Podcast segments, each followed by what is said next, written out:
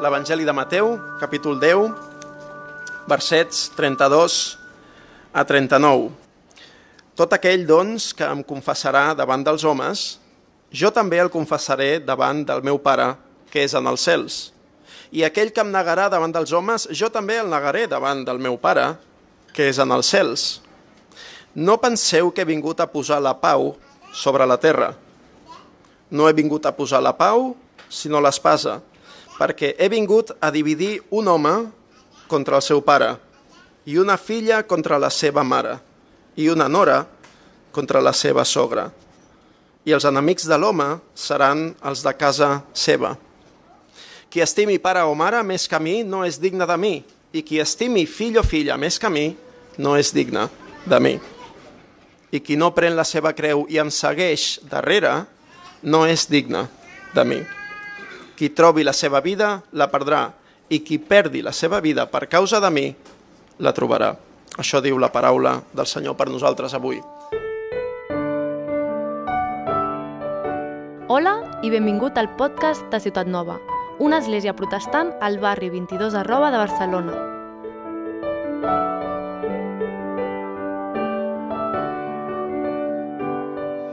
Quiero empezar contando una historia sobre un hombre que se llama Afshin Siafat. Afshin Siafat es un nombre de, de Irán. Eh, aunque Afshin nació en, en, los Estados Unidos, cuando era un bebé, se fue con sus padres de Irán, eh, porque sus, sus, padres son de Irán, eh, y a poco tiempo en Irán volvieron a los Estados Unidos y él creció en una iglesia, en no en una iglesia, en una familia uh, musulmana, asistiendo a la mezquita los viernes y aprendiendo los cinco pilares de Islam. Eh, pero sobre los años de su infancia y adolescencia, Dios puso en su vida varias personas creyentes eh, cristianos. Eh, una una mujer que le cuidaba de niño. Uh, y uh, cuando ella se fue, dejó de cuidarle, le regaló un Nuevo Testamento y le animó a leer esta Biblia. Uh, tenía amigos también, creyentes. Y cuando tenía 18 años, estaba en una reunión o conferencia, no me acuerdo, cristiana, y decidió entregar su vida a Cristo, a seguirle. Eh, cuando estaba en camino a casa, tenía la pregunta, ¿qué voy a decir a mi padre? Y decidió, no podría compartir su nueva vida en Cristo con su padre. Pero pasando el tiempo, su padre notó algunos cambios en su vida. También notó la Biblia en su habitación. Entonces su padre decidió, voy a hablar con Afshin sobre los cambios que he visto en su vida. Afshin respondió a su padre diciendo, papá, soy cristiano. Y su papá dijo, no puede ser, hijo, eres musulmán y siempre serás musulmán. Y Afshin dijo, Papá, la Biblia dice, si alguien confía en Cristo, recibe salvación, perdón por sus pecados. Y eso he hecho. Estoy siguiendo a Cristo. Su padre respondió, Afshin, si vas a ser cristiano, no puedes ser mi hijo.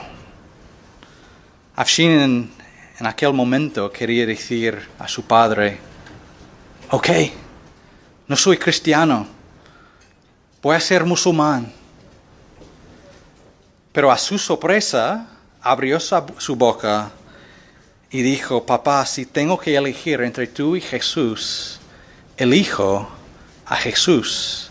Y si tengo que elegir entre mi Padre terrenal y mi Padre celestial, elijo mi Padre celestial.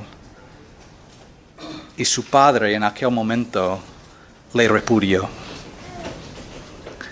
Es una historia muy fuerte, ¿no? Eh, y es una historia verdadera. Y la verdad es que hay miles de historias como esta de otros hermanos y hermanas que tenemos, otros cristianos. Afshin estaba en una, una circunstancia muy difícil y tenía que tomar una decisión muy difícil. Y eligió a Cristo. En el texto de, que Rubén acaba de leer, Jesús nos dice que estas historias iban a pasar, que familias iban a ser divididas por causa de Él. Gracias a Dios no es la historia de la mayoría de nosotros. Puede ser que alguien aquí ha experimentado algo así, ¿no? Pero normalmente no es la historia de, de nosotros que vivimos en el occidente. Pero vale la pena para nosotros prestar atención a lo que Jesús está diciendo aquí, porque se puede aplicar a nuestras vidas, incluso si nuestros padres no nos exigen elegir entre ellos y Cristo. Lo que Jesús está diciendo es, está llamándonos a, a discipular al coste de seguirle. Entonces hoy vamos a hablar sobre dos cosas. El coste de seguir a Cristo, de confesarle, y la belleza de Cristo, el valor que Cristo tiene. Entonces vamos a empezar con una pregunta. ¿Cuál es la cosa más importante en tu vida? No estoy buscando la respuesta de la escuela dominical. Todos nosotros sabemos la respuesta de la escuela dominical. Estamos hablando de, de nuestros corazones. ¿Cuál es la cosa más importante de tu vida? Cuando piensas, no puedo imaginar vivir, sin, esta cosa, o no puedo vivir sin esta cosa o esta persona. Para mí, si soy sincero, tendría que hablar sobre la aprobación del hombre, ser aceptado por los demás. Es algo con que lucho todos los días, todos los días. Afecta mi manera de hablar, de tomar decisiones, de interactuar con las personas. Pero Jesús en este texto nos está diciendo que Él tiene que ser primer en nuestras vidas, por encima de la aprobación del hombre, encima de nuestros padres, nuestros hijos, nuestros amigos, lo que sea. Él quiere ser primero. Y de hecho yo creo que Jesús está diciendo, si quieres ser cristiano, tienes que entregar todo a Él. Él es el primero. Pero es algo fuerte, ¿no? Es fuerte. Pero Jesús no está diciendo algo nuevo. Si leemos en, a ver si puedo pronunciarlo, Deuteronomio 6, 5. Dios dice, amarás al Señor tu Dios con todo tu corazón, con toda tu alma y con toda tu fuerza. Nos está llamando a amarle con todo. Él tiene que ser primero. De hecho, hay un, texto paralelo a, a, este texto de Mateo en Lucas capítulo 14 que trata del mismo tema, el coste de discipulado, el coste de seguir a Cristo.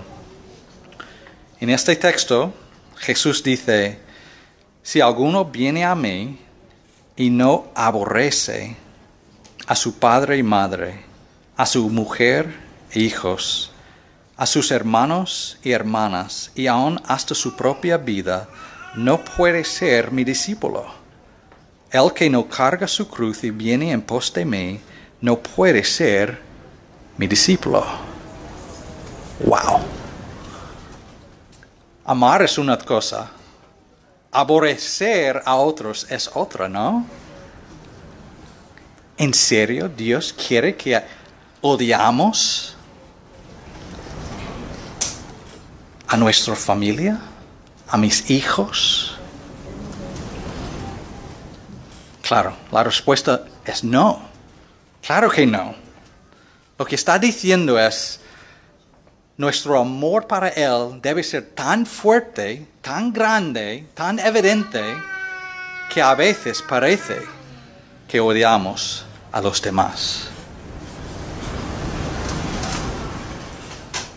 Pero ¿cómo puede ser esto? Bueno, pensamos en nuestro hermano Afshin.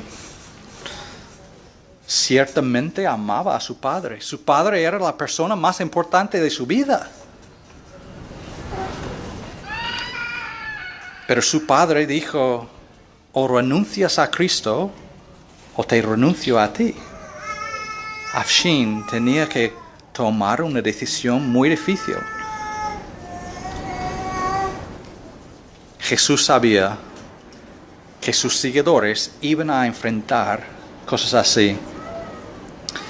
Y lo hizo muy claro que debemos elegir a Él siempre quiero dejarlo muy claro.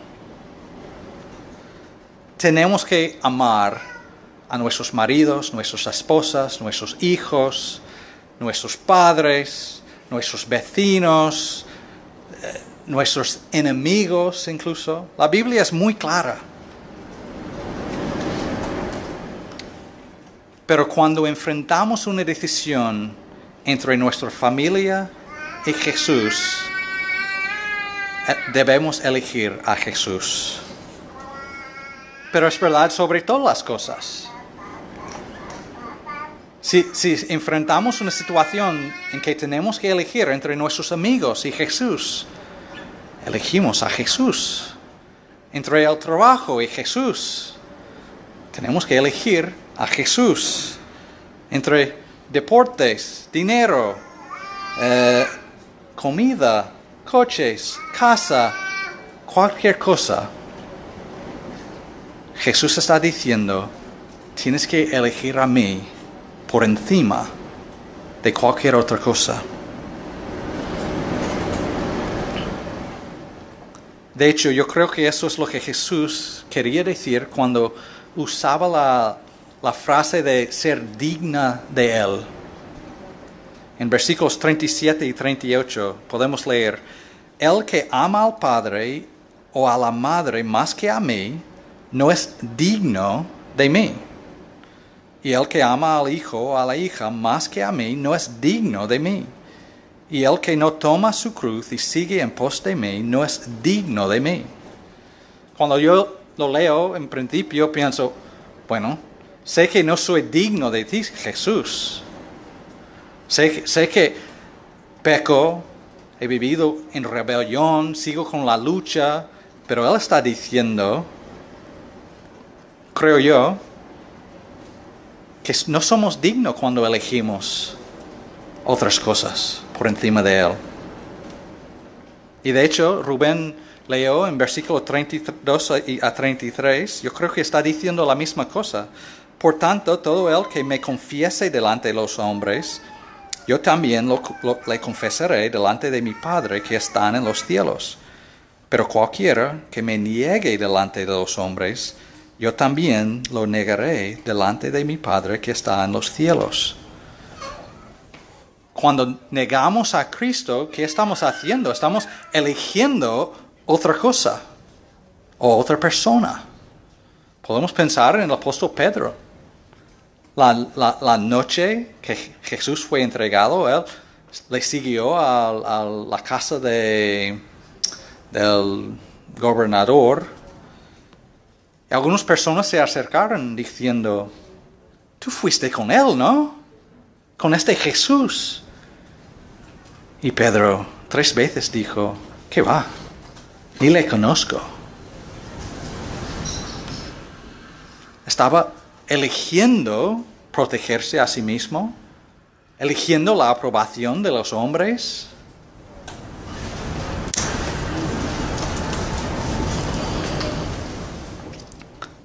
Yo creo que Jesús en este texto estaba diciendo la misma cosa.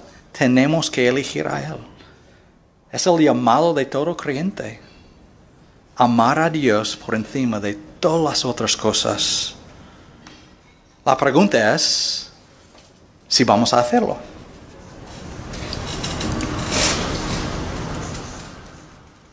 La, verdad es que lo que Jesús está diciendo no cae muy bien en el mundo en que vivimos. El mundo en que vivimos dice, si tienes un deseo, tienes el derecho de hacerlo. Si quieres algo, tienes el derecho de, tenerlo. Y cualquier persona o, religión o cosa que te impida es, es ese el problema. Tenemos que vivir en libertad y amor propio. Y Jesús está diciendo, esto no te da, da vida. No te da vida. No te da satisfacción. No te hace feliz. En vez de decir eso, está diciendo, si, si realmente quieres saber lo que es bueno para ti, si realmente quieres saber lo que te va a hacer feliz, si realmente quieres una vida llena,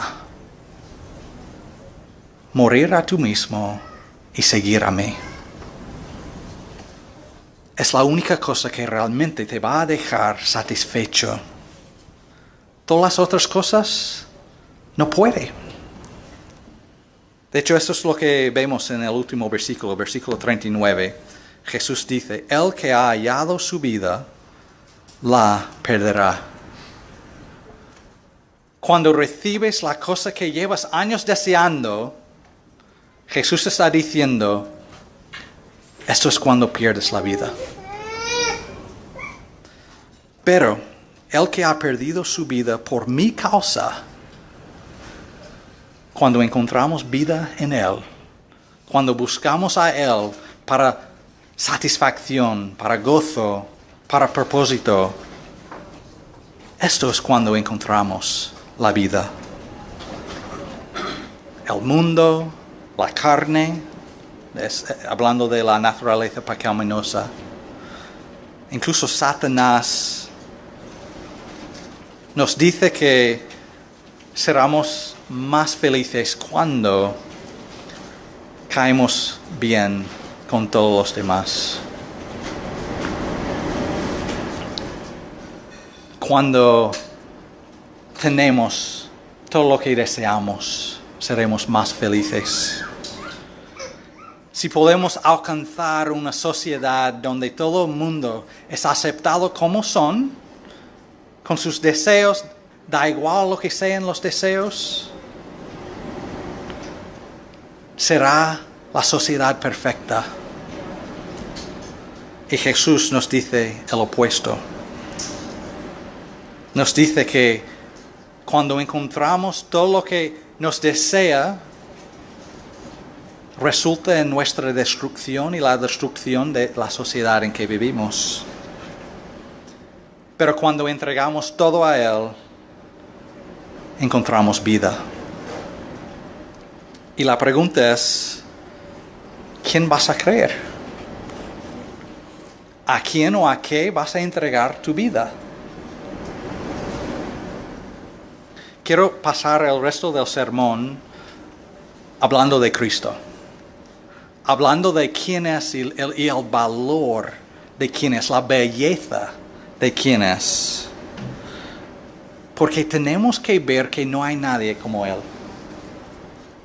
No hay nadie tan lleno de amor, lleno de gracia. No hay nadie tan paciente, tan humilde, tan tierno, tan compasivo como Cristo. Dijo que no, no vino para traer paz en el texto. Y ya hemos visto cómo es verdad. Nuestra posición sobre Cristo crea conflicto. Hay personas que nos rechazan por eso.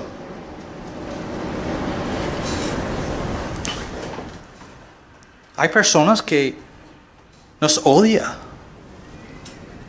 por identificarnos con Cristo. Pero Jesús vino para traer paz.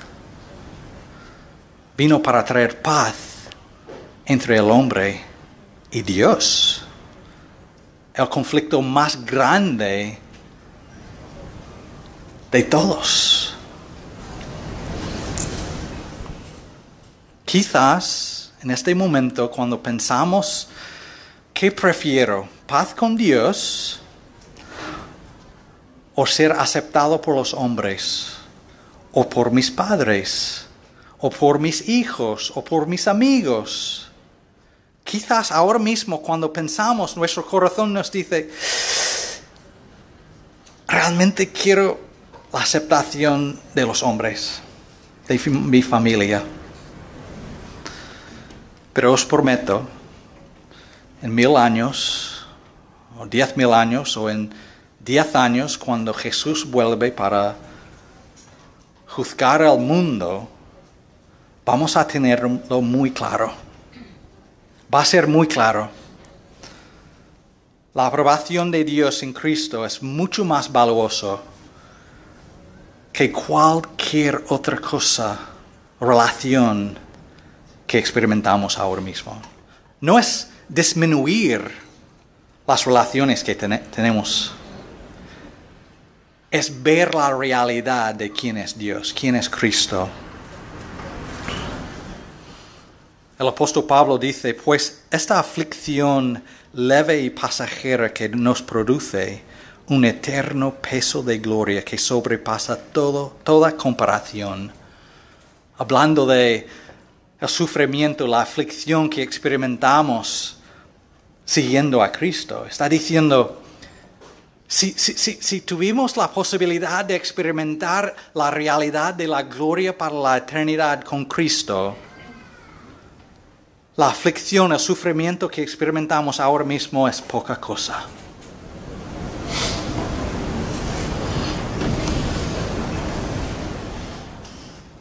Y Jesús nos promete, en medio de la aflicción, en medio del sufrimiento, en, en medio del rechazo, Él estará con nosotros. E incluso él nos promete que va a hacer todas las, cosas, todas las cosas nuevas. Él va a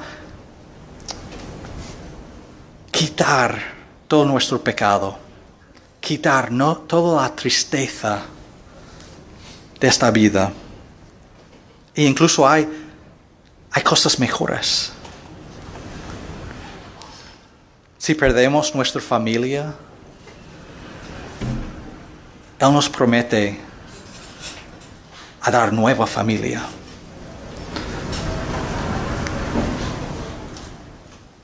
En Marcos capítulo 10, 29 a 30, Jesús dijo, en verdad os digo, no hay nadie que haya dejado casa, o hermanos, o hermanas, o madre, o padre, o hijos, o tierras por causa de mí y por causa del Evangelio que no reciba cien veces más ahora en este tiempo. Casas y hermanos y hermanas y madres e hijos y tierras junto con persecución y en el siglo venidero la vida eterna. Es la palabra de Dios, promesa. Cuando perdemos cosas por causa de Él, Él nos cuida. Él provee lo que necesitamos. Cuando enfrentamos, cuando estamos enfrentados con el coste de seguir a Cristo, quiero animaros a aferraros a las promesas de Dios, a, a estas palabras. Las cosas de este mundo son pasajeras. nos prometen cosas que no pueden proveer. Quizás la aprobación de hombre, mi lucha, no sé si es la tuya, quizás la aprobación de hombre en el momento está bien, pero os prometo, día a día es opresivo. No me hace feliz. No me da satisfacción. Cristo sí. Incluso me libera para amar a personas en vez de usarlas para mí. Entonces quiero animaros, animar a mí, que pongamos nuestra fe en Cri- Cristo, que apostamos todo en Él. Claro, viene con perdidas, pero las ganancias son mucho más grandes. Las cosas que perdemos, vamos a perder de todos modos cuando morimos. No sé si habéis escuchado del misionero de hace 70 años en Ecuador que se llama Jim Elliot. Dijo, no es tonto quien que da lo que no puede guardar para ganar lo que no puede perder. No es tonto el que da lo que no puede guardar para ganar lo que no puede perder. Jim Elliot fue matado proclamando el Evangelio a un tribu de indios en Ecuador. Su mujer, unos años después, volvió a este mismo tribu con sus hijos a predicar el Evangelio. Y muchos en la tribu ya andan con el Señor. Cristo murió para hacernos parte de la familia más grande del mundo, la familia de Dios. Si perteneces a Él, si perteneces a Cristo, significa que tú eres el hijo o la hija de Dios, con todos los privilegios que conlleva.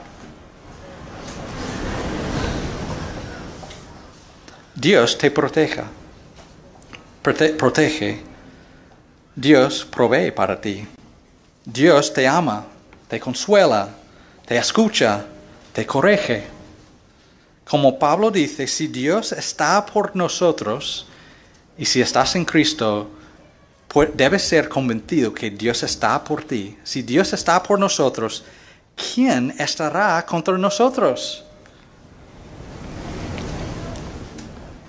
Dios te escogió a ti para que escoge, escogemos a Él. Justo después de decir estas palabras que dije, Pablo, si Dios está por nosotros, ¿quién estará contra nosotros?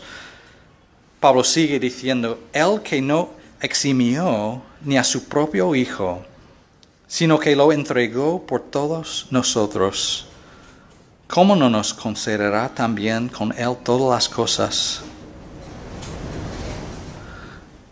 Dios el Padre tuvo una, una elección entre su Hijo y nosotros. Nos eligió a nosotros. Entregó su Hijo para nosotros. Jesús mismo dice en Juan 3, 16, porque de tal manera amó Dios al mundo, que dio a su Hijo unigénito para que todo aquel que cree en Él no se pierda, mas tenga vida eterna. Jesús también tenía elección. Estaba en su gloria, gobernando todo el universo, recibiendo alabanza de los ángeles sin parar. Y decidió venir a la tierra, ponerse carne como nosotros, sufrir la burla de seres humanos como nosotros, morir en una cruz. Y en esta cruz, el Padre rechazó al Hijo. Y el Hijo dijo, Dios mío, Dios mío, ¿por qué me has abandonado?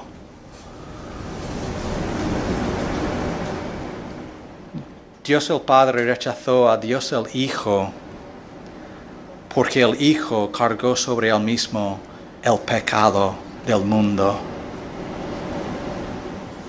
Y Dios tenía que condenarlo, castigarlo.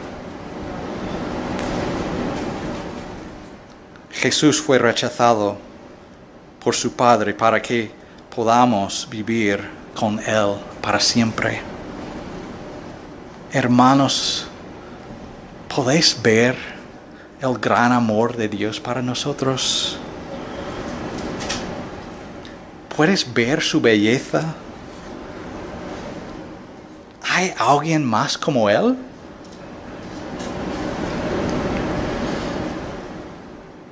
Todos nosotros vivimos para algo o alguien. ¿Vas a vivir para Cristo o otra cosa?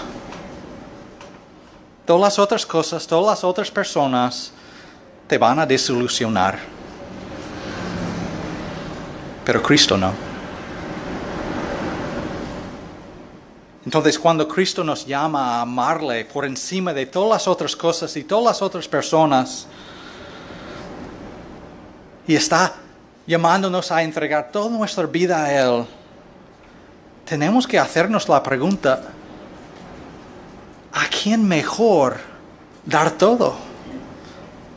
¿A quién mejor amar por encima de todo? ¿Quién es más digno de nuestras vidas? En Mateo 13, Jesús cuenta dos parábolas. Dice, el reino de los cielos es semejante a un tesoro escondido en el campo, que al encontrarlo un hombre lo vuelve a esconder y de alegría por ello va, vende todo lo que tiene y compra aquel campo. El reino de los cielos también es semejante a un mercader que busca perlas, perlas finas y al encontrar una perla de gran valor fue y vendió todo lo que tenía y la compró. Iglesia, Jesús es el tercero tesoro perdido. Jesús es la perla de gran valor que merece la pena perder todo para tener Él. No sé si habéis escuchado el himno antiguo que se llama Fija tus ojos en Cristo. El coro dice esto, fija tus ojos en Cristo, tan llenos de gracia y amor, y lo terrenal sin valor será a la luz. Bueno, y lo terrenal sin valor será a la luz del glorioso Jesús. Jesús, Jesús nos llama a morir a nosotros mismos y seguirle, pero también nos promete a estar con nosotros en medio de todo. Nunca será solo. Nos dije que no os dejaré como huérfanos. Nos da gracia en el camino y una vida eterna sin dolor, sin sufrimiento. Claro, será difícil. Será, te- tendremos aflicción. Pero Él es digno de nuestras vidas. Os dejo con, con algunas preguntas. ¿A, a qué cambiarías, Jesús? ¿Unos años de caerle bien con todo el mundo? ¿Años de ser rico en la tierra? Hermanos y hermanas, volved a Jesús y seguirle. Solo Él es digno de nuestras vidas. Oremos. Padre, confieso que eh, es una lucha. Es una lucha de verte como eres en realidad. Eh, pero queremos verte, queremos conocerte, que, queremos decir ah, que tú vales más que cual, cualquier de las cosas que tenemos en esta vida. Pedimos que nos, nos llenas de tu Espíritu Santo, que, que podamos verte, conocerte y ser cambiado por ti. Um, y amarte con todo y amarte a este mundo para tu gloria. En el nombre de Cristo. Amén. Gràcies per escoltar aquesta predicació. Si tens preguntes respecte al seu contingut o vols tenir una conversa sobre l'Evangeli, no dubtis en contactar-nos. El nostre correu electrònic és info arroba cn22.org.